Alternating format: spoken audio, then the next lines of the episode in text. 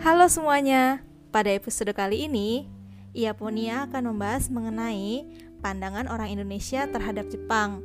Nah, pada pembahasan kali ini, pembicara kita ada Mas Gamal, Hai hai. ada Mas Daniel, Halo. ada Mas Bima, Yo. dan juga Mas Eka. Halo. Dan seperti biasa, saya sebagai moderator. Eh, Ya itu. Iya, kesel. Namanya nggak boleh lupa saya saya. Oh iya, dan saya Sekar sebagai moderator seperti biasa. Nah, eh, untuk masuk kepada diskusi kita kali ini akan dimulai dari Mas Gamal. Silakan dimulai Mas Gamal. Oke. em, pertama Oke. udah dibahas belum ini kita mau ngomongin apa nih sekarang? Kan makanya tadi saya nanya. Iya iya iya. Em, kita kali ini akan membahas mengenai eh, pandangan orang Indonesia terhadap Jepang. Hmm. Em, orang Indonesia berarti orang-orang yang lahir di negara di kepulauan Indonesia yang sudah ada sejak ribuan tahun yang lalu, mungkin ratusan ribu tahun yang lalu, tapi sebagai sebuah negara baru lahir tahun 45. Nah, jadi mengenai time frame buat orang-orang yang rigid dengan tahun ya kita agak-agak inilah ya, agak-agak apa eh, longgar lah gitu Iya. bisa kayak Mm-mm. ngomongin dari masa-masa kolonial sampai masa-masa yang sekarang gitu ya Iya. gitu Em, makasih Sekar untuk apa menunjuk saya sebagai apa pem- apa pembahas pertama Sama-sama Eh, Mas. iya em, kalau ngomong tentang pandangan orang Indonesia terhadap Jepang itu em, orang Indonesia yang sekarang berarti yang apa em, dari konsensus apa dari lahir tahun apa 45 kita nggak boleh lupa juga em, bagaimana pemahaman kita juga dibentuk oleh satu ke- apa kurikulum ya kurikulum yang memang ada dan juga apa studi-studi yang telah ada dari dari dari dari masa semenjak Indonesia merdeka. Jadi kita bisa bilang ini kayak sebuah pakem gitulah ya gitu Mm-mm. jadi em, kita bisa bilang sejarawan lah sebagai orang-orang yang apa punya authority terhadap apa eh, pandangan orang Indonesia terhadap Jepang. Nah, em, satu hal penting yang perlu saya bahas sampaikan di sini adalah em, bagaimana eh, banyak dari kalangan sejarawan, termasuk juga sejarawan Indonesia sendiri dari orang-orang Indonesia maupun dari luar yang mengkaji tentang hubungan Indonesia Jepang, hubungan Indonesia Jepang itu menganggap bahwa memandang bahwa em, apa pendudukan Jepang yang terjadi pada masa eh, tahun-tahun 42 sampai tahun 45 itu dianggap sebagai satu faktor penting gitu. Eh, jadi faktor penting dalam kemerdekaan Indonesia. Nah, jadi eh, walaupun kemerdekaan Indonesia itu bukan berasal dari pendudukan Jepang, tapi juga atas apa buah jerih payah sendiri dari semenjak masa kolonial, kolonial Belanda hingga kemudian masa Mhm. Jepang terus menerus tidak putus, kemudian merdeka, gitu. Apa namanya? em, apa namanya? em, apa namanya? Jepang itu tetap dianggap sebagai sebuah sebuah faktor gitu. Nah, jadi ini yang menyebabkan eh, ada satu pembeda pandangan ya. Itu kalau kita bilang ada apa Indonesia dijajah oleh Belanda dan Indonesia juga juga diduduki oleh Jepang gitu. Tapi Jepang agak berbeda karena ketika Jepang menduduki Indonesia gitu, tahun 42, 41 eh, tahun 42 em, kemudian Jepang berhasil menggoncang struktur yang sudah ada lama di Indonesia yaitu ya em, zaman normal atau masa kolonialisme Belanda itu gitu. Yang oleh misalnya em, Anthony Reed di bukunya modern apa, apa namanya sejarah Indonesia modern em, eh, sorry em, An- Anthony Reed di, di- tentang tentang bagaimana sej- em, penduduk sejarah pendudukan Jepang di Indonesia gitu atau kemudian Rick Cleves yang sejarah Indonesia modern gitu atau Harry Benda misalnya em, tentang apa namanya em, bulan sabit dan matahari terbit judulnya tentang apa eh, tentang pendudukan em, Jepang di Indonesia gitu. Nah apa em, ngelihat bagaimana eh, apa namanya em, bagaimana uh, apa uh, Jepang itu berhasil gitu apa uh, membuat orang-orang Indonesia itu menjadi apa ya menjadi tampil ke permukaan. Elit-elit Indonesia jadi naik ke atas Hmm. gitu Nah, jadi yang tadinya itu enggak ada sama sekali nggak bisa lah gitu um, orang-orang Indonesia tampil ke panggung politik lebih daripada apa yang distandarkan pada saat itu. Tapi kemudian jadi muncul orang-orang yang sering ditangkap-tangkapi oleh Belanda seperti misalnya Su- um, Soekarno gitu kemudian malah menjadi mendapatkan satu panggung sendiri gitu. Nah ini jadi kemudian apa membuat apa jalan jalan bagi elit-elit kemudian bisa menyuarakan kemerdekaan. Nah, gitu. Jadi em, pandangan ini yang dalam sejarah ini em, yang kemudian juga disusul oleh rentetan dari apa policy-policy eh, Jepang terhadap Indonesia yang juga favorable terhadap em, Indonesia gitu yang menyebabkan kemudian kita punya pandangan yang baik sih gitu Em, secara secara apa ya secara garis besarnya mungkin bisa di disampaikan kayak gitu Oke. Mm-mm. gimana Em, ada pertanyaan dulu nggak kayak aku udah ngomong kepanjangan Atau kalau nggak pertanyaan mungkin tanggapan? ah, boleh, aku bingung tuh kalau misalnya kita ngomong sejarah. eh tadi kan Mas Gama bilang bilang kalau Jepang seperti punya peran penting gitu untuk kemerdekaan Indonesia. Tapi kenapa kalau di buku-buku sejarahnya aku bingung kalau misalnya kita baca buku-buku sejarah kurikulum kita lagi zaman kita SD, mereka kan selalu bilang bahwa 350 tahun penjajahan Belanda itu kemudian lebih baik daripada tiga setengah tahun pen- penjajahan Jepang. Dia, dianggap penjajahan Jepang itu sangat kejam sekali. Iya, itu iya. di kurikulum kita selalu disebut seperti itu. Mm-mm. Oke, oh, em, bed- kalau bicara tentang kekejaman tentu saja ya em, kita semua tahu dari dari kurikulum yang kita sudah pernah dapatkan em, berapa tiga setengah tahun penjajahan em, Jepang di Indonesia pendudukan Jepang di Indonesia itu memberikan satu luka yang besar ya gitu. Eh, masyarakat Indonesia dijadikan romusha banyak sekali yang meninggal segala macam. Em, belum lagi mengenai Jugunyanfu Hmm. gitu. Dan masalah-masalah ini belum selesai hingga sekarang Em, tidak untuk bilang bahwa yang tadi saya sampaikan itu tidak untuk bilang bahwa em, apa pendudukan Jepang itu lebih baik dalam tanda kutip ya gitu dibandingkan Belanda. Ini jadi salah kaprah. Jadi pertanyaannya bagus banget nih. Em, yang mau saya sampaikan di sini adalah bahwa em, secara apa struktur dalam sejarah nah pendudukan Jepang itu itu kemudian bisa apa membuat apa em, elit-elit lokal Indonesia itu muncul menjadi elit nasional. Kemudian em, kolonialisme Belanda sendiri itu yang strukturnya sudah bertahan begitu lama itu bisa digoyang gitu. Tapi nggak bilang kalau ketika Jepang datang Jepang berbaik-baik terhadap Indonesia enggak gitu. Yep. Nah, gitu. Jadi kayak semacam ada apa ya em, secara tidak tidak di, diniatkan mungkin ya gitu. Secara tidak diniatkan oleh Jepang sendiri ya Indonesia bisa merdeka gitu. Jadi eh, bukannya eh, kedatangan Jepang itu baik untuk kita dalam halnya bagaimana mereka apa eh, berhubungan dengan kita bukan. Nah, mungkin ada yang punya apa kata-kata yang lain mungkin? Hmm, Itu Mas Bima atau Mas Eka? Iya. Eh, kebetulan saya pernah juga nih baca tentang kayak paper gitulah, semacam paper. Dengar presentasi sih sebenarnya dengar presentasi dari temen dari kalau nggak salah dia dari Filipina. Eh, jadi dia tuh bikin semacam preposisi yang bilang kalau Jepang itu di masa Perang Dunia melepaskan eh, Filipina waktu itu dijajah apa ya tahun 1945 1940-an Amerika ya Mhm.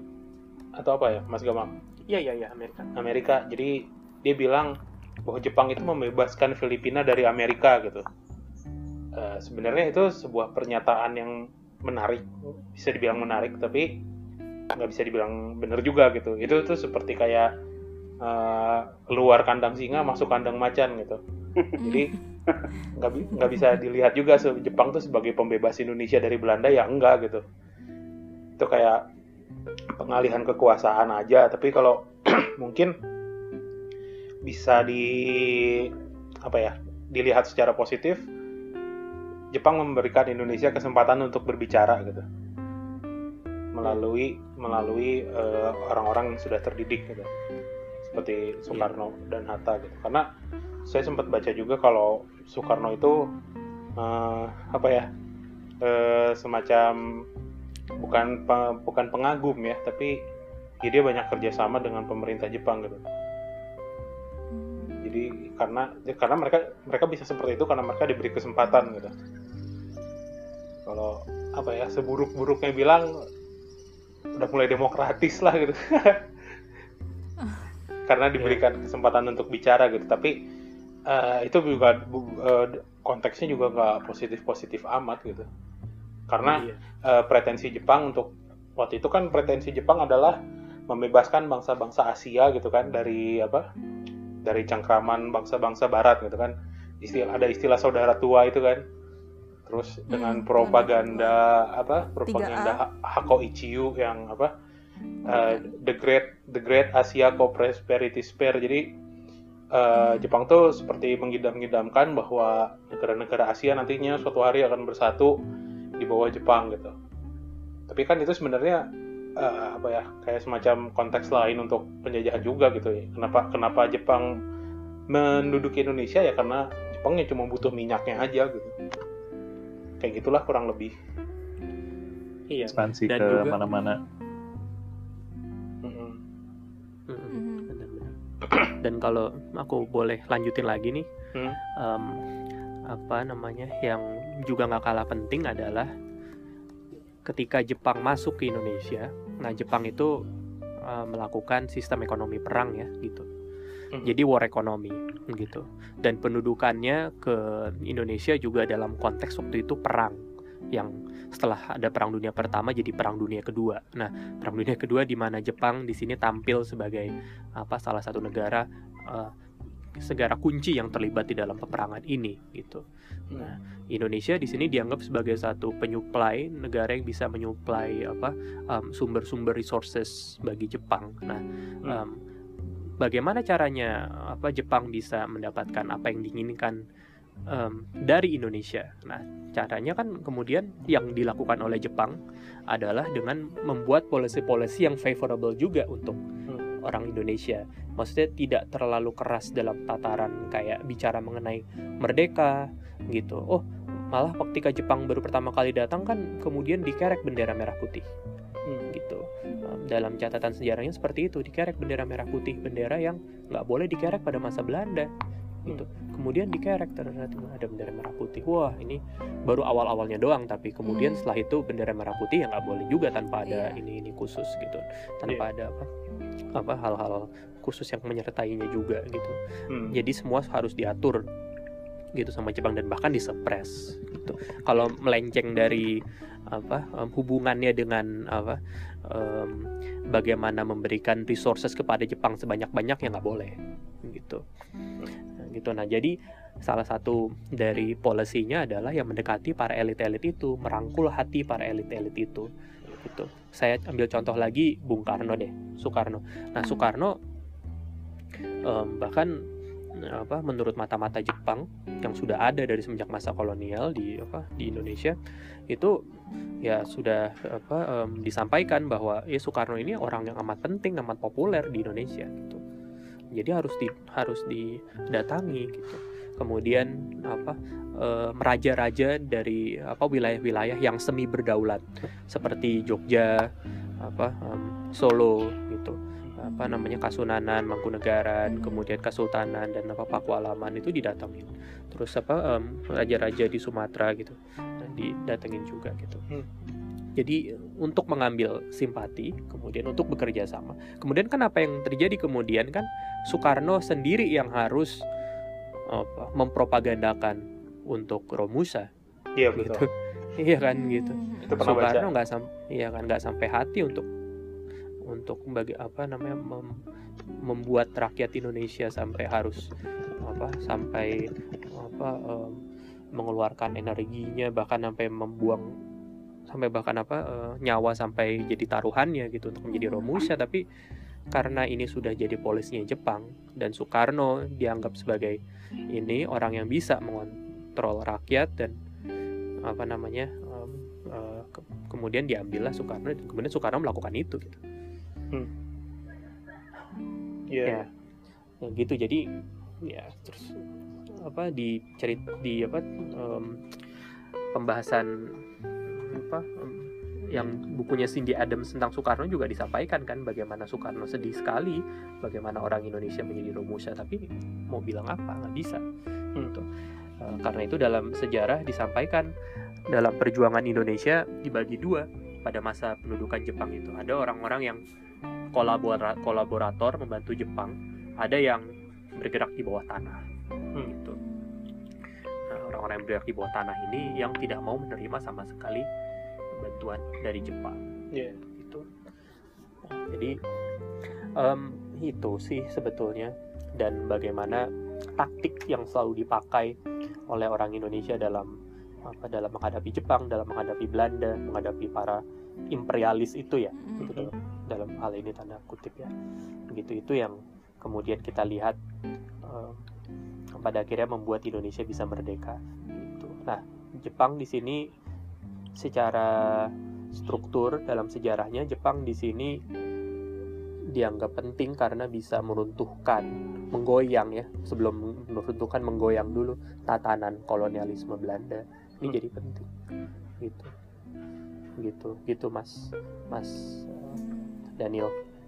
Bang Daniel. Hmm, hmm, gitu dan em, ada yang pernah tahu nggak tentang itu ramalan apa Joyoboyo? ramalan Joyoboyo Oh, Joyoboyo. Iya, iya, iya. Iya. Jayabaya. Iya, Mas Eka tahu ya? Iya, pernah itu. Gimana Mas boleh boleh cerita nggak Mas gimana Iya. tuh ramalan Joyoboyo? Ini kalau singkat saya aja ya, tapi nanti misalkan salah dikoreksi nggak apa-apa. gitu. Jadi Mhm. singkat saya itu kan eh Jayabaya itu pernah bilang bahwa Indonesia itu bakal di inilah ya dijajah sama bangsa yang kulitnya putih gitu kan. Itu dia disimbolkan dengan kerbau bule apa apa ya saya lupa gitu. Nah, terus habis itu eh dia ada lagi apa kayak semacam ramalan bahwa setelah itu nanti ada masanya Indonesia itu akan dijajah oleh orang KT, orang pendek gitulah. Tapi itu enggak Mhm. nggak lebih dari umur jagung apa gitu. Pokoknya sangat singkat jagung, lah gitu. Ya. Hmm, iya, ya itu itu ramalan Joyoboyo yang kita tahu em, sampai sekarang. Cuman menariknya nih Mas Eka, saya pernah baca ya em, ada satu laporan gitu dari apa eh, orang Belanda, aku lupa residen atau asisten residen pada saat abad ke-19 itu di daerah Jawa.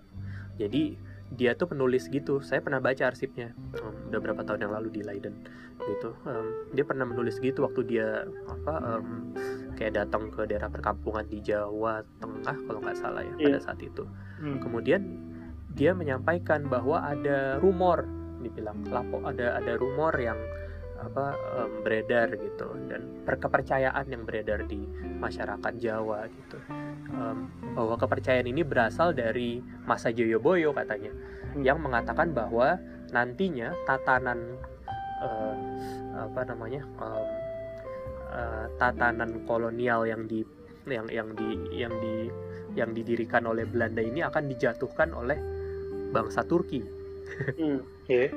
Oh. gitu jadi jadi jadi waktu abad ke-19 em, yang tadi Mas bilang itu apa itu yang yang yang yang populer adalah orang Turki gitu Iya, iya.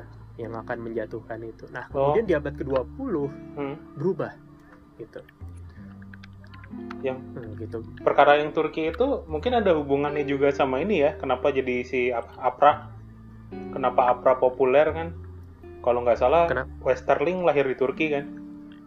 Hmm, Kayaknya pernah Bisa sempat juga. baca. Jadi kenapa Westerling populer pas yang eh, kejadian Apra itu kenapa banyak yang mendukung dia karena dia lahir di Turki. iya Jadi mengacunya ke ramalan tadi. Ini intermezzo Iya. aja sih. Mhm. apalagi waktu abad ke-19 ya Heeh. di mana Hmm. apa eh, apa semangat gitu kan semangat Islamisme kan juga Kuat. apa cukup kuat terutama yang berpusat yang dari Turki gitu Nah, Hmm. ceritanya waktu itu jadi ini nanti Turki Utsmani nanti yang akan membebaskan Indonesia Hmm. nah di abad ke-20 berubah Iya. ternyata aku nggak tahu nih apa konteksnya lebih dalam lagi apa yang apa bisa menyebabkan ini berubah apakah ini pernah ditulis gitu apakah di abad ke-20 pernah ada sebuah tulisan yang mengkutip tentang ramalan Joyoboyo itu Hmm. yang ceritanya mengenai bangsa Jepang gitu. Cuman tapi sejalan karena em, di abad ke-20 gitu kita ngelihat setelah kemenangan Jepang atas eh, Rusia gitu apa namanya em, di tahun 1905 gitu kan Hmm. itu kan em, apa membuat apa orang satu dunia kan terkaget-kaget termasuk juga orang Indonesia wah gila ternyata bisa juga ya bangsa Asia ternyata orang Asia bisa Hmm. juga ya mengalahkan apa eh, mengalahkan apa imperialisme Eropa gitu nah Mhm. jadi Jepang ini memang kemudian jadi acuan, acuan, acuan. Kalau kita belajar sejarah Thailand itu Jepang jadi acuan lagi, Jepang jadi acuan lagi. Hmm. Bilang kata mereka, ehm, kenapa kita harus berpikir apa melihat kepada Eropa? Lihat saja Jepang. Jepang sudah cukup loh. Jepang sudah nyampe ke titik itu loh gitu. Hmm. Nah gitu. Indonesia pun juga kayak gitu. gitu. Pada masa itu em, ada secara sembunyi-sembunyi tapi ya gitu secara sembunyi-sembunyi eh, keraton-keraton itu punya kesukaan terhadap Jepang juga Hmm. Oh. Tapi Punya kesukaan terhadap kalau dengan Thailand, Ya. eh, nanti mungkin bisa di dikoreksi sedikit ya. Kalau nggak Ah. salah, eh, saya pernah baca memang kan kalau Thailand sendiri tidak pernah dijajah oleh Jepang, tapi karena Jepang tuh punya kepentingan apa gitu, jadi dia butuh sesuatu dari Thailand, akhirnya mereka bikin perjanjian. Tapi memang Jepang ujung-ujungnya nggak menjajah Thailand, mungkin eh, kayak kalau nggak salah tuh butuh pelabuhannya atau apanya gitu. Jadi kayak numpang ya gue eh, minta pos di sini supaya bisa lewat ke sana ke mana gitu kayak gitu mungkin kalau yang lain ada yang pernah baca bisa dilengkapin kali mungkin kalau Jepang jadi patokan ya karena bagi Thailand Jepang tidak pernah men- menduduki Thailand secara langsung gitu mungkin ya Hmm. Mhm. Kayak tadi sih sebetulnya yang disampaikan oleh Mas Bima tuh udah menjelaskan udah udah udah apa bisa bisa ditarik lagi kita ke situ bagaimana Jepang itu punya cita-cita untuk mendirikan greater apa um, Asia Asia Mhm. Pro Co- Prosperity. Sphere Hmm. gitu. Nah itu kan apa mengacu kepada wilayah Asia Tenggara, gitu. Hmm, Bukan hanya wilayah Indonesia saja gitu, ya tapi juga wilayah yang beras yang dari Thailand, dari atasnya Thailand, dari Indochina gitu turun sampai bawah sampai Malaysia, sampai Kalim sampai sorry Kalimantan, sampai Indonesia gitu. Hmm. Nah gitu. Jadi Thailand di sini juga jadi penting gitu dan Mhm. waktu em, apa orang-orang tentara Jepang itu turun kita anggap turun karena kalau lihat dari peta kan turun ke bawah gitu ya. Mhm. Nah kemudian saya lupa waktu itu siapa pemimpin Thailandnya. Em, bukannya Pibun ya? Eh, Pibun Pibun ya atau em, nanti bisa dicek lagi. Iya. Em, itu kemudian dia membuka membuka negara Thailand untuk Jepang. Hmm.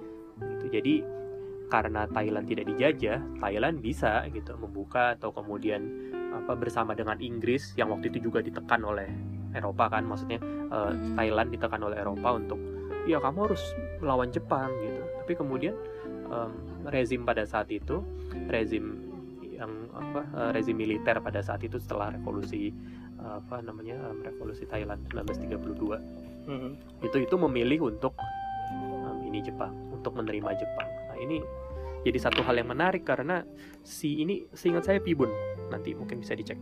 Um, Oke. Kemudian Pibun membuat memoir setelahnya gitu ya. Kenapa kok mau menerima Jepang, mau kemudian apa uh, membuat Thailand ditaklukkan oleh Jepang gitu. Kalau kata dia, loh kalau saya tidak memilih itu nanti Thailand bisa hancur. Hmm. Susah juga. Sedangkan banyak banyak apa eh, em, orang-orang Thailand yang patriotis itu yang bahkan sampai harus lari keluar negeri ke mana segala macam gitu untuk berjibaku melawan melawan Jepang dan Hmm. setelahnya dan sudah siap untuk melawan Jepang kapan pun gitu dan eh, apa eh, kebijakan dari pemerintah Thailand pada saat itu untuk menerima Jepang dianggap sebagai suatu suatu kegagalan gitu. Hmm. Ya ini mengenai Thailand sebenarnya rada panjang, rada ini soalnya kemudian setelah ternyata Jepang kalah, wah repot itu kan Thailand. Loh ternyata gue berada di pihak yang kalah. Oh, Jadi waktu Perang eh, Dunia iya. Pertama Thailand berada di pihak yang benar gitu. Benar. Ya sorry. Sorry salah. Eh, saya ralat ya bukan di pihak yang benar tapi di pihak yang menang. Menang ya. dalam perang Mas dunia Gamal, pertama. Pibun itu aku coba cek dia panglima ter- oh perdana menteri Thailand Mhm. rajanya Bumibol Mhm. Iya. iya Iya. Bumibol waktu itu masih amat kecil ya iya tapi emang dia kan naik tahta emang pas masih kecil juga sih Bumibol Iya. Mm. Iya, jadi setelah revolusi yang revolusi 1932 yang mendongkel eh, Rama 7 Mhm. yang akhirnya Rama makanya meninggal dia heeh. Mm-mm, em, tidak sebagai apa, eh, sebagai rajanya raja pemimpinnya Thailand pada saat itu. Nah, em, Thailand dikuasai oleh perdana menteri perdana menteri. Hmm. Ini satu pembahasan tersendiri sih, agak oh, panjang. gitu Cuman, mm-mm. iya. Nah, balik ke Indonesia. Iya, balik ke Iya. Indonesia tadi gimana? Kenapa? tadi Eh, siapa yang iya. lagi ngomong tadi balik ke Indonesia tadi, Heeh. jadi gimana? Iya, kalau Indonesia di zaman segitu ya memang eh, apa ya? Kalau dibilang Soekarno sebenarnya posisinya sama nggak sih sama Thailand tadi? Maksudnya ya kalau Jepang nggak diterima dalam tanda petik ya kerjasamanya bakal lebih berantakan lagi gitu. Gitu juga nggak sih sebenarnya? Iya, Iya kan ya? iya. Sama itu, kan? Iya, itu itu argumennya Soekarno waktu itu. Iya. Kalau kalau misalnya kalau misalnya Jepang tidak diterima atau misalnya Soekarno menolak Jepang kemudian Soekarno kan eh sorry bukan Soekarno kemudian Jepang kan bisa memilih yang lain Mm-mm. nah ketika dia milih yang lain kan wah Soekarno nggak bisa kontrol siapa orangnya Iya. apakah orangnya apa, mampu untuk apa, menolong rakyat seperti halnya dia gitu dan memikirkan rakyat seperti halnya dia gitu kan Iya. Jadi akhirnya Soekarno lah yang maju Iya. Terus dan dan ini berat sih karena orang-orang yang berjuang melawan Jerman dan eh, ya tentunya tentunya juga Jepang gitu ya eh, di Eropa itu ya kemudian ya menjelek-jelekkan kolaborator Jepang di Indonesia waktu itu hmm, ya seperti halnya ya orang-orang Indonesia yang ada di Belanda waktu Belanda. itu iya iya iya. Mm-mm, yang waktu itu sedang belajar di Belanda. Sebenarnya nggak hanya belajar ya tapi juga ada yang kerja segala macam. Tapi kemudian eh, Belanda diduduki oleh Jerman. Hmm. kemudian apa mereka orang-orang Indonesia ini juga membantu apa, em, gerakan perlawanan melawan Jerman. Nah kemudian setelah perang selesai kemudian apa melihat bagaimana semakin melihat bagaimana ini apa namanya eh, rezim yang dibantu Jepang ini katanya itu kemudian yang naik gitu kan. Susah. Dan apa memberikan banyak kritikan juga terhadap eh, terhadap itu terhadap apa em, Soekarno dan kawan-kawan yang eh, menjadi kolaborator Jepang. Kemudian ketika mereka balik mereka balik ke Indonesia mereka nggak diterima juga oleh Bung Karno. Hmm. banyak listnya orang-orang yang kemudian jadi agak luntang lantung waktu balik ke Indonesia ya karena waktu dulu di Belanda udah mengkritik habis-habisan dianggap menganggap apa Soekarno dan kawan-kawan sebagai kolaborator Hmm. Iya iya. Ya, buat orang-orang kayak gitu pilihannya ya merdeka 100% pilihannya dia tidak membantu sama sekali Jepang Iya iya. cuman kan secara kenyataannya pragmatisnya gimana Oh, ternyata juga ada ya Mas Gamal orang terdampar di mana di luar negeri pas zamannya Pak Soekarno gitu ya. Iya banyak banyak. banyak Karena kan yang paling terkenal tuh itu ya, pas transisi dari Pak Karno ke Pak Harto itu kan ada juga orang-orang Indonesia yang mungkin kuliah di Eropa Timur dan Rusia itu nggak bisa pulang gitu untuk sementara gitu. Atau juga Hmm, permanen. iya iya benar benar benar iya benar Em, pada masa itu banyak juga pelajar-pelajar itu bisa baca di bukunya Harry Puze Hmm. orang Indonesia salah satunya ya dan yang paling gampang dicari karena udah dalam bahasa Indonesia juga. Orang Indonesia di negeri penjajah judulnya. Hmm. jadi Ini kemudian masuk masa Jerman. ini juga apa? Kalau mau cari yang versi Jepangnya, orang-orang yang terdampar di Jepang, jadi mereka lagi dapat beasiswa untuk kuliah di Jepang, terus Jepang kalah perang, terus jadi mereka nggak bisa pulang yang kayak gitu. itu ada bu- di bukunya Aiko Kurosawa yang apa eh, sisi gelap perang Asia itu tentang orang-orang yang terdampar di Jepang orang Indonesia yang terdampar di Jepang pasca perang gitu yang nggak bisa pulang Iya. itu Itu bukunya apa mas? Aku pernah baca juga tapi lupa. Aiko. Kurosawa. Aiko Ah, Kurosawa yang ya judul, judul judulnya apa maksudnya? Eh, sisi gelap perang perang Asia Nah ya. Dan ada beberapa artikel juga sih yang ngebahas tentang itu. Dan juga ada juga yang di Arab juga orang-orang Indonesia di Arab. Iya. Uh, dan ini ini menarik juga sih mungkin kita bahas sedikit aja Mhm. gitu. Bagaimana consciousness keindonesiaan itu juga dibangun oleh para pelajar-pelajar Indonesia di luar negeri Hmm. lewat perhimpunan gitu. himpunan ya lewat PPI. organisasi PPI. Nah, jadi akan salah kalau kita cuma bilang bahwa apa consciousness Indonesia dibangun juga turut dibangun oleh orang-orang Indonesia di luar negeri. Hmm. Titik tanpa kita melupakan yang namanya perhimpunan itu. Iya. Nah, em, dengan perhimpunan soalnya em, saya nih apa men- mengendorse mengendorse apa eh, mendukung ini perhimpunan. Em, kenapa? Karena dengan perhimpunan itu kita jadi belajar bagaimana tertib kan bagaimana ADART itu dibuat bagaimana ADART kemudian dipraktekkan dijalankan gitu bagaimana apa organisasi bergerak sesuai dengan ADART gitu, gitu. Gitu. jadi ini kan seperti cikal bakal negara ya Iya. Mhm. Nah, gitu. nggak bisa disamakan tentunya tapi jadi cikal bakal gitu nantinya ketika apa Indonesia merdeka ya sedikit banyak apa namanya pengalaman dalam perhimpunan itu ya cukup ya cukup cukup cukup cukup memberikan andil gitu sih ketika mereka balik ke Indonesia wah misalnya contohnya Bung Hatta Hmm. contohnya nih itu kan Bung Hatta kan ya dia kan di perhimpunan Indonesia kan dia orang yang eh, apa cukup eh, prominent cukup penting dia Mhm. selain dari bagaimana tulisan-tulisannya, bagaimana pidato-pidatonya gitu ketika dia dikejar-kejar oleh tentara Belanda, sorry oleh polisi Belanda waktu dia di Belanda karena dianggap apa punya hubungan dengan em, apa namanya punya hubungan dengan gerakan Partai Komunis gitu. Kemudian ya apa Hatta pindah-pindah gitu. Nah dia juga Bung Hatta ini juga apa aktif di dalam perhimpunan Hmm. dalam ar- artian gitu dengan kata lain bisa dikatakan ya Bung Bung Hatta juga mengerti gitu bagaimana cara apa eh, berada dalam koridor organisasi yang baik Hmm. bagaimana cara menjalankan roda organisasi gitu, gitu itu penting Gitu. kita kebanyakan nggak paham tentang itu Iya. karena itu dia kemudian bisa bilang tentang ekonomi koperasi koperasi itu kan juga berasal dari organisasi juga kan Mhm. organisasi yang berasal dari anggotanya untuk anggotanya. Nah, Indonesia, negara Indonesia kan juga kan, Iya. pemerintahnya kan dari rakyat Indonesia sendiri kan, Hmm. dari orang-orang Indonesia sendiri gitu, untuk orang Indonesia sendiri. Iya. Nah, balik lagi ke Jepang, balik lagi ke Jepang. Mhm. Iya. Gitu. Kita udah banyak ngebahas tentang bagaimana tahun-tahun masa-masa 45 gitu kan. Mhm. Kok- Tapi kemudian yang penting juga kayaknya nih Sekar, mungkin Iya. kita juga bisa bahas masa-masa setelahnya Iya. gitu.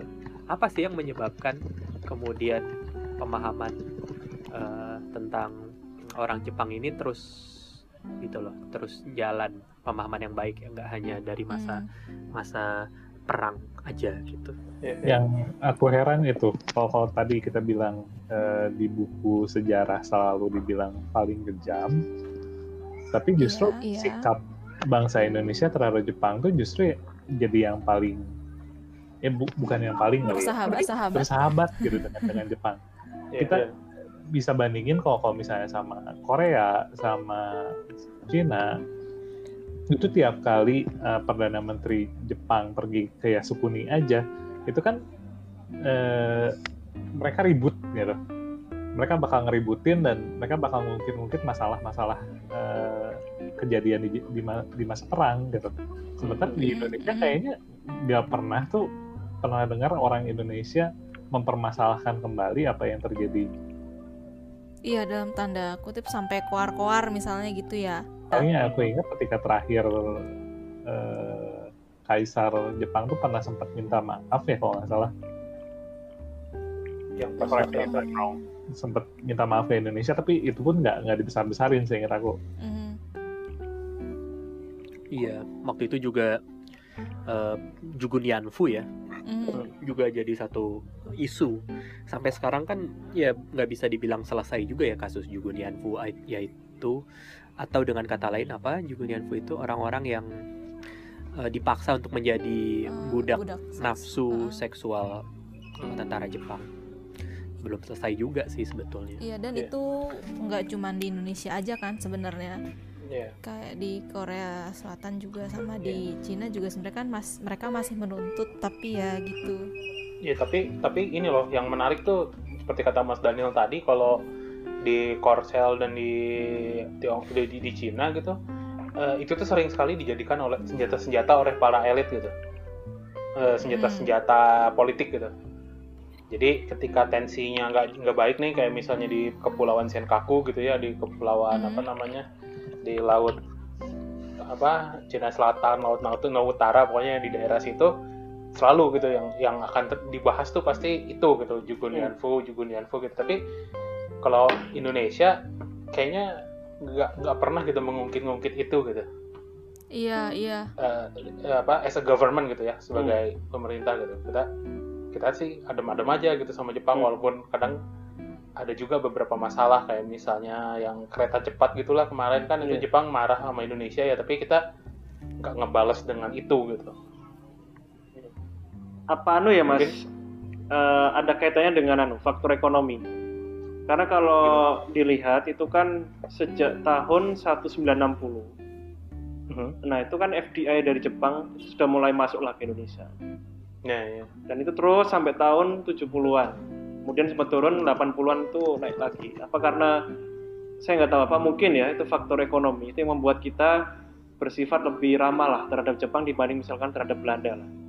Walaupun Iya. sama-sama sebagai eh, pernah sebagai kolon di koloni dikolonialisasi lah gitu kita Mm. Jadi kalau kalau aku lihat mah eh, kalau saya lihat sih kurang lebih kayak gitu sih. Jadi bantu bantuan ekonomi Jepang ke Indonesia tuh banyak banget gitu. Eh, dan nggak hanya dalam bentuk FDI aja kan, tapi ODA juga kan.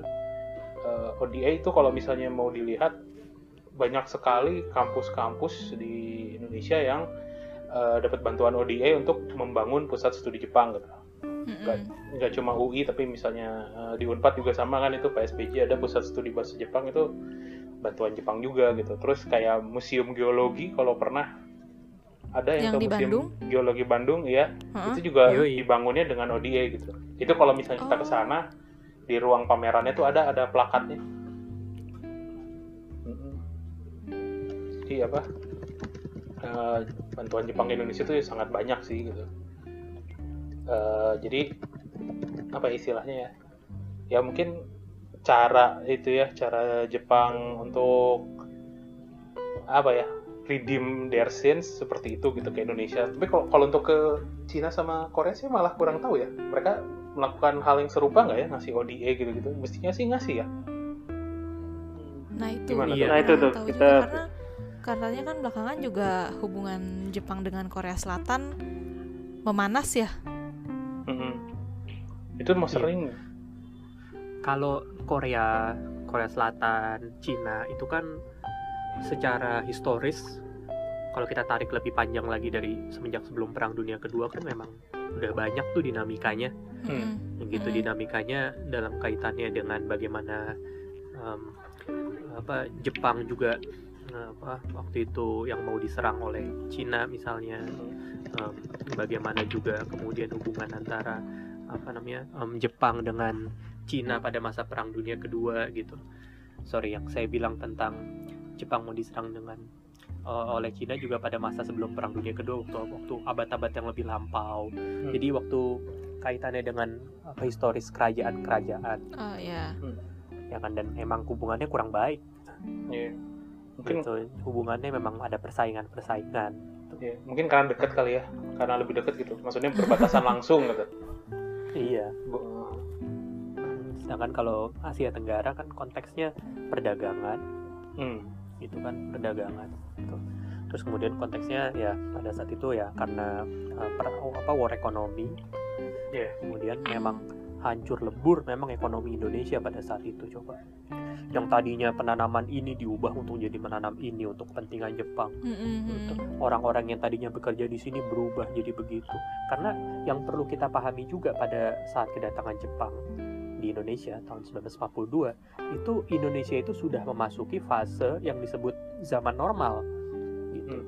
jadi em, bukan bilang kalau kolonialisme dianggap normal enggak tapi sudah Sudah jadi terbiasa. keseharian lah. Ya sudah bisa ada kehidupan begini udah begitu. Orang-orang udah kayak menjalankan keseharian lah udah udah udah inilah gitu. lebih menerima. Udah ajek iya. Udah- iya iya, udah- udah ajek lah Udah istilahnya new normalnya zaman itu gitu new kan. normal zaman iya iya udah udah ajek Udah aja sudah Udah- beradaptasi. udah ajak ya kemudian Jepang masuk. Bang gitu. Nah Hmm. Jepang masuk ini kan kemudian udah jadi gak normal lagi. Orang yang tadinya kerja gini harus berubah begini yang tadinya Mm. bisa beli baju susah beli baju. Kita sering dengar ceritanya gimana?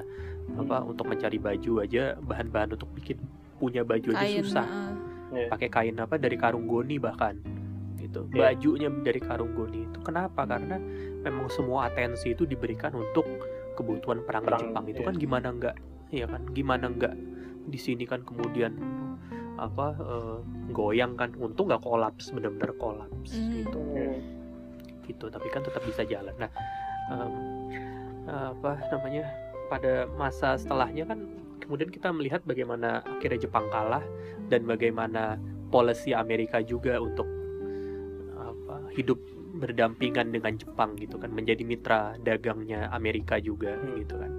Dan kemudian Jepang juga bisa mengubah citranya dari tadinya masuk dari imperialisme negara imperialis juga kemudian jadi negara pembantu donor Ya negara donor. pada negara-negara yang Hmm. um, terutama bukan hanya kepada semua negara-negara berkembang sedang berkembang sorry sedang berkembang dunia ketiga aja tapi terutama negara-negara yang pernah dijajah di Hmm. diduduki oleh Jepang ya terutama pas di Asia Tenggara itu termasuk Indonesia Iya. sebagai negara yang ya paling luas ya di Asia Tenggara.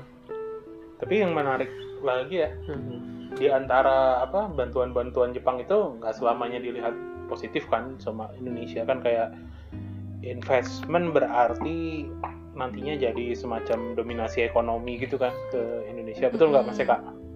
Betul. Nah, kan itu Iya. juga apa eh, membawa kita pada eh, kejadian ini insiden malari. Ah, itu juga tuh makanya. Saya kan mikir apa mungkin ya reaksi kita ke Jepang itu lebih lunak dibanding ke Belanda karena faktor ekonomi tadi itu. Jadi investasi yang Hmm. banyak masuk ke Indonesia pada masa itu. Karena kalau kita lihat ya ekonomi Indonesia pada era 60 kemudian juga 70-an awal-awal Orde Baru itu kan butuh sekali eh, pembangunan manufak industri manufaktur. Nah, cuma modalnya dari mana kalau kita nggak ambil dari luar itu loh.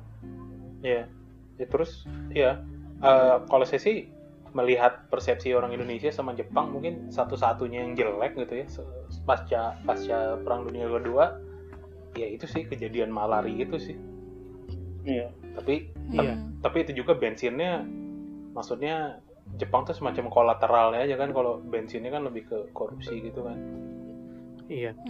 Em, yang juga cukup berbeda Mhm. em, mm, dari hubungan Indonesia Jepang pasca eh, Perang Dunia Kedua adalah bagaimana eh, tokoh-tokoh kunci pada saat pendudukan Jepang di Indonesia kemudian juga kembali datang ke Indonesia juga gitu kembali menjadi Hmm. broker-broker Hmm. gitu loh oh iya gitu Em, kemudian apa em, apa eh, menjadi sorry apa eh, beberapa jenderal-jenderal Jepang juga kemudian menjadi apa eh, penasehat atau bahkan em, apa ya kayak yang men- yang membuka diplomasi dagang antara kantor-kantor em, di Jepang kemudian juga dengan pemerintah Indonesia gitu. Nah ini kan yang Hmm. terjadi pada Iya. masa Bung Karno itu kita tahu juga ada salah satu istri Bung Karno yang Jepang Ah, udah udah ada dalam buku Iya. sejarah gitu kan yang apa yang juga kemudian bisa dipertemukan menjadi istri kemudian gitu itu mm-mm. lewat hubungan-hubungan tadi gitu Hmm. hubungan apa um, um, delicate intricacy ini gitu Iya, gitu. iya, iya. hubungan-hubungan tadi yang uh, kemudian membuat Jepang menjadi satu kunci dalam apa um, diplomasi Indonesia dengan luar negeri. Saya baru dapat kabar dari teman saya um, dosen di salah satu universitas swasta di um, Jakarta. Mhm. Dia meneliti tentang uh, masalah militer di Indonesia. Um, kemudian dia bilang begini, dia bilang ada satu temuannya dia pada masa 65 ketika terjadi huru hara itu 1965 nih ya huru hara itu kita nggak perlu bahas lagi ya. Um, ternyata menurut dia nih menurut sumber yang dia dapat Mhm. itu kedutaan-kedutaan asing ya um, di Indonesia itu mencari informasi mengenai pemerintah Indonesia lewat kedutaan Jepang Oh ya? Nah, gitu iya itu ini menurut informasi dari teman saya ini jadi menarik gitu Iya, iya. jadi Jepang jadi mendengar apa, cerita-cerita di belakang ini Ya, yang selama ini tidak terlihat di permukaan, iya iya yang iya orang dan jarang sebetulnya tahu.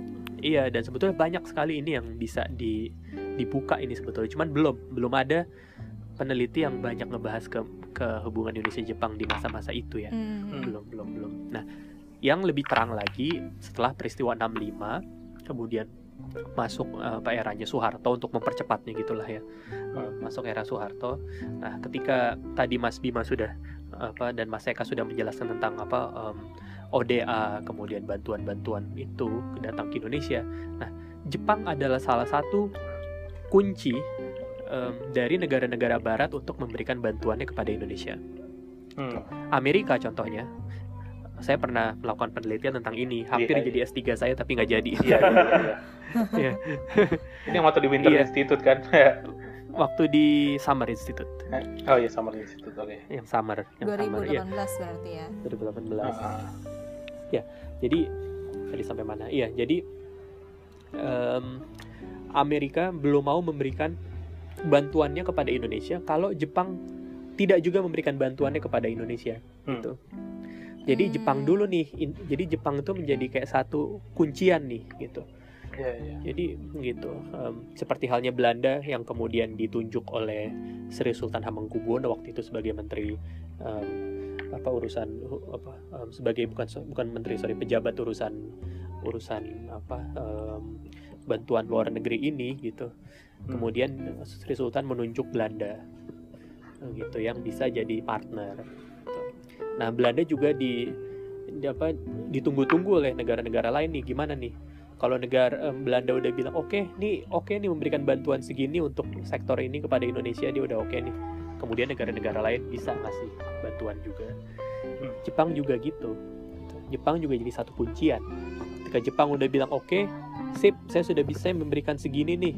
Nah ntar Amerika ikutan. Gitu Oh, ikutan gitu. Jadi Hmm, kayak ini emang- gue mau bantu tapi dia juga harus bantu gitu. Iya, dan dia harus bantu karena ya dia ini sudah pemain lama nih, gitu kan. Mhm. Main lama dalam hubungan antara Ya. eh, eh, Indonesia dengan eh, dengan negara-negara di luar Indonesia, apa negara-negara asing lah gitu. Hmm. Jadi tahulah dia gimana Jepang, Belanda gitu tahulah dan sudah mengenal gitu Medan di Indonesia gitu kurang Hmm. lebihnya. Ini benar-benar ini ya romantisme hubungan Indonesia Jepang ya kalau kayak gini. Iya. Hmm, Terus iya. sekarang kalau misalnya apa? Ini kita ngobrol udah cukup lama ya. Iya lumayan. Udah udah 50 menitan. Nah, ini kalau kita geser ke zaman sekarang gitu ya, ke zaman Hmm. ya modern gitu. eh sebenarnya apa yang bikin Jepang punya image positif juga ada andil adalah eh, produk-produk budaya populer ya. Iya Jelas. balik lagi. Ra- ra- Rasanya jelas ya itu ya. Tapi, Mm-mm.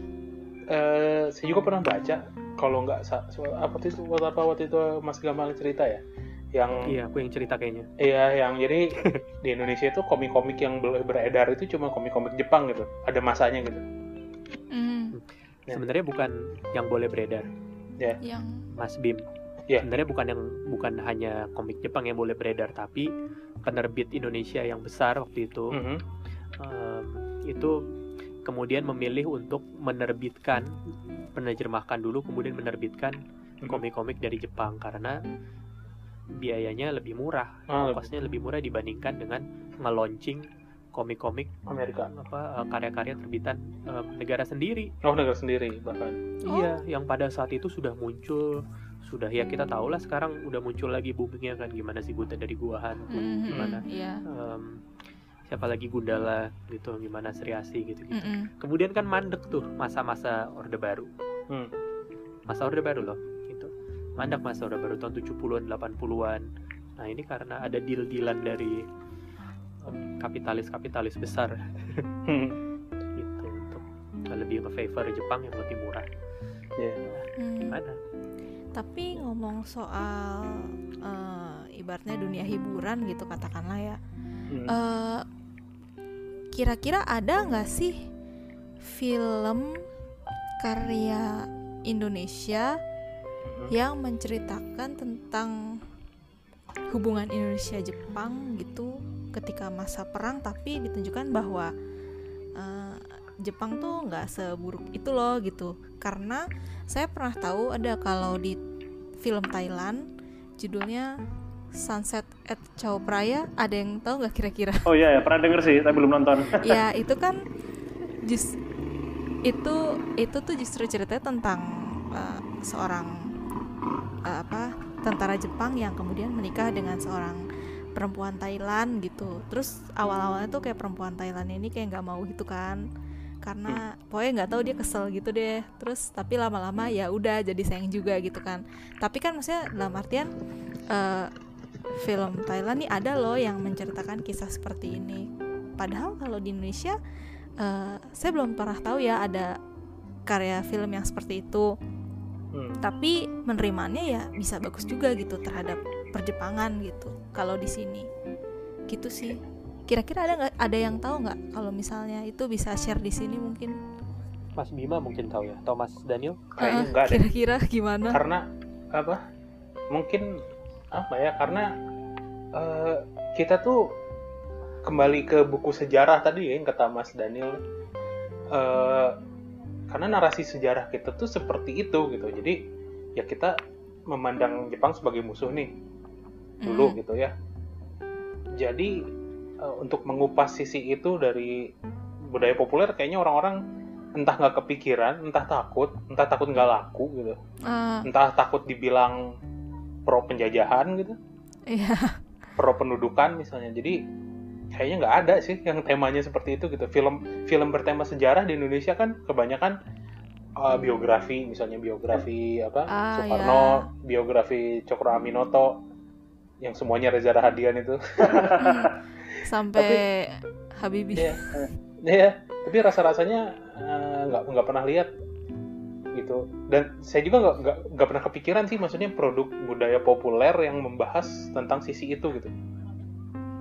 Iya nggak sih? Hmm. atau belum ya iya Iya, iya karena iya. kan booming sejarah kan baru-baru ini kan Hmm. Eh, masa reformasi juga Hmm, kemudian apa berapa tahun setelahnya kan booming booming Iya. apa sejarah masuk ke eh, apa eh, bidang seni hiburan gitu ya Mm, mm, mm. Eh, jadi mungkin nanti akan kita lihat ya Oh ini nih, nih. ini aku baru nemu nih. Ada judulnya film Merdeka 170805. Hmm? Hah? Hmm. Eh? 1785. Ini, Oh, ini, ini iya iya. Ini tahun tahun 2001. kalau judulnya Wow. Hmm. Tapi enggak Iya, tapi itu apa? Enggak itu apa? Hmm, Nggak lolos sensor di Indonesia katanya. oh itu dari Jepang Film Jepang ya. Bahas Hmm. Indonesia merdeka. Ah. bukan Indonesianya sendiri tapi, ini- Jepangnya ya Iya, iya. oh ini Iya. vi- eh, iya Jep- ini kerjasama sih Hmm. kerjasama Toho sama Rapi Film oh yang kerjasama dengan Rapi Film kita bisa lihat di mana itu mas ini ada di IDN Times tapi nggak tahu ya filmnya di mana belum belum belum cari juga. Nah, Muru Deka Muru Deka Mm-mm. 17805 iya iya iya. Padahal banyak ya cerita-cerita menarik kayak gini maksudnya kayak ya mungkin yang terkenal Lak- Laksamana Maeda gitu. Terus ada yang ga- Mhm. ganti nama jadi orang Islam tuh. Shigeru Shigeru. Shigeru siapa ya? Eh Shigeru oh eh, Rahmat Shigeru? Iya itulah. Tadinya oh kalau nggak salah iya Shigeru Ono ya tadinya ya. Iya Rahmat Shigeru Ono.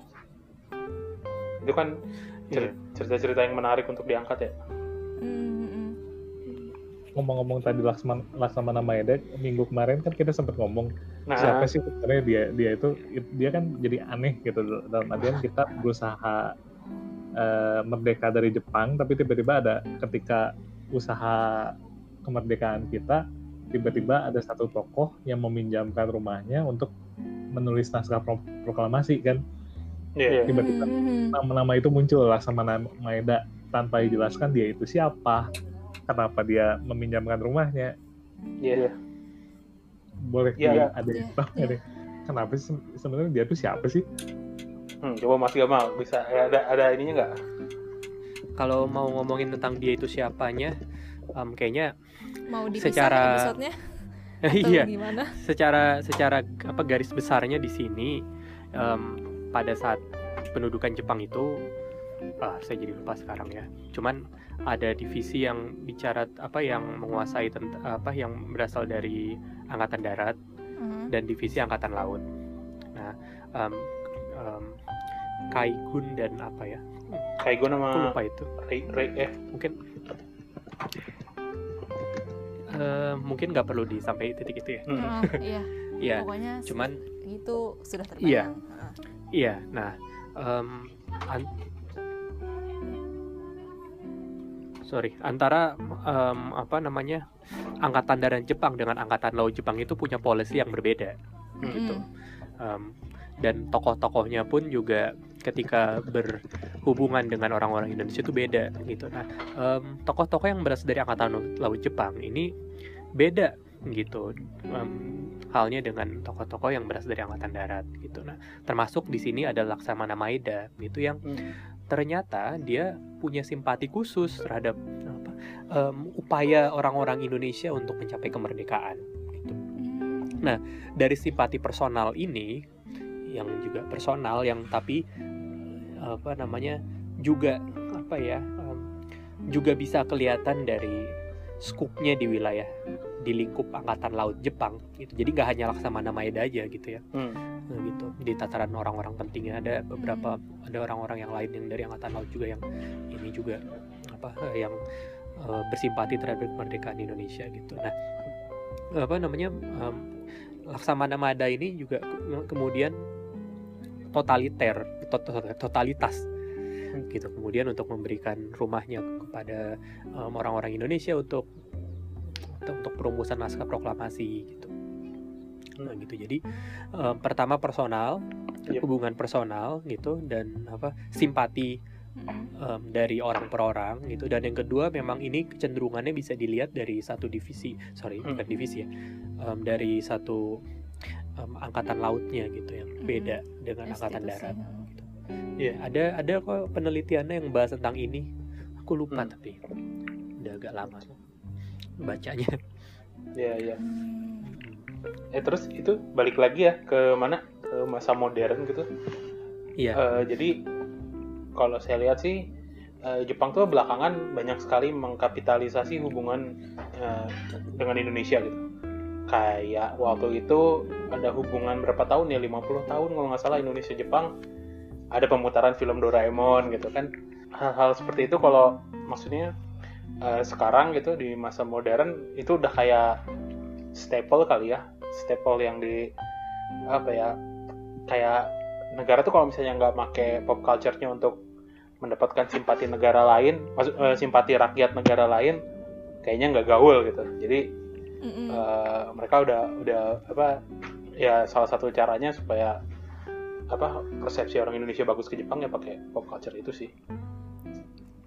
Dan dan kayak ya nyatanya diterima sih iya, kita ngomong eh, pop out Jepang itu pasti saya selalu nanya gitu mahasiswa kalau misalnya tiap kali mereka masuk saya tiap kali nanya gambaran apa sih Jepang pasti keluar keluarnya pop culture kemudian kecanggihan Jepang nggak pernah tiba-tiba mereka ngomongin tentang penjajahan Jepang segala macam gak pernah keluar sama sekali gitu Iya sih. Mungkin mungkin karena obrolan itu sudah habis waktu di sekolah. Ada lagi? Kira-kira ada lagi Mas Eka ada lagi Mas Eka Nggak ada sih kayaknya. Udah Oke. satu jam. Udah? Ha-ha. lagi kira-kira yang mau yang mau disampaikan tentang atau yang mau yang belum kita omongin mengenai ini ya Eh, dari episode ini kita bisa dapatlah gambaran garis besarnya tentang eh, hubungan Indonesia Jepang setelah eh, pe- eh, setelah pendudukan Jepang di Indonesia gitu. Kenapa orang-orang Indonesia tuh mempersepsikan eh, Jepang sebagai suatu negara yang positif, bersahabat gitu. Eh, walaupun eh, dalam sejarah kita ada noda-noda tertentu lah gitu. Ternyata eh, sejarah itu tidak sehitam putih itu gitu ya jadi ada faktor-faktor yang harus dilihat juga gitu dan eh, konteksnya harus sesuai pada zaman itu gitu. Oke ya, iya setuju sih Mas Bim. saya kalau boleh saya tambahin juga memang em, apa yang kita bahas sekarang ini memang apa yang sebetulnya nggak mainstream ya di em, di dalam apa em, bagaimana pandangan bagaimana apa diskusi-diskusi yang dilakukan di Indonesia juga mengenai Hmm, bagaimana pada sih sebenarnya ya. hubungan Indonesia dengan Jepang. Tapi kita emang ngebahas lewat sejarah gitu. Kita emang Hmm. ngebahas lewat kayak kajian-kajian akademik yang memang sudah ada di luar sana tapi bukan jadi bagian dari diskusi sehari-hari makanya mungkin ada teman-teman mungkin em, yang mendengar em, ini podcast ini mungkin kayak wah ini kok- apa kok saya baru pernah belum pernah dengar ini kok di kurikulum sejarah belum pernah ada gitu Mm-mm. Em, karena memang ini memang apa kajian-kajian akademis berasal dari kajian-kajian akademis yang udah dibahas tapi memang nggak jadi kajian apa sehari-hari yang sering dibahas iya. sehari-hari Heeh. Iya, yang sering dibahas sehari-hari. Nah, em, melihat sejarah Indonesia dan juga hubungan Indonesia-Jepang memang ada ups and downs-nya dan juga bisa dilihat dari berbagai perspektif. Tadi sudah dibilang oleh Mas Bima gitu. Jadi ada banyak sekali kaitannya antara A dengan B dengan C. Misalnya tadi Tadashi Maeda gitu seorang tokoh ya, hubungan Indonesia-Jepang yang belum banyak dibahas yang apa turut membuka rumahnya untuk eh, apa eh, perumusan naskah proklamasi. Tapi misalnya em, mungkin nggak banyak yang tahu kalau Tadashi Maeda pernah juga ngebuka sekolah misalnya eh, di Jakarta gitu namanya Asrama Indonesia Merdeka. Kayak gitu. Nah jadi em, kemudian di situ dia apa em, bisa banyak berhubungan dengan orang-orang Indonesia termasuk Ahmad Subarjo gitu. Termasuk juga tokoh-tokoh em, apa em, yang lain.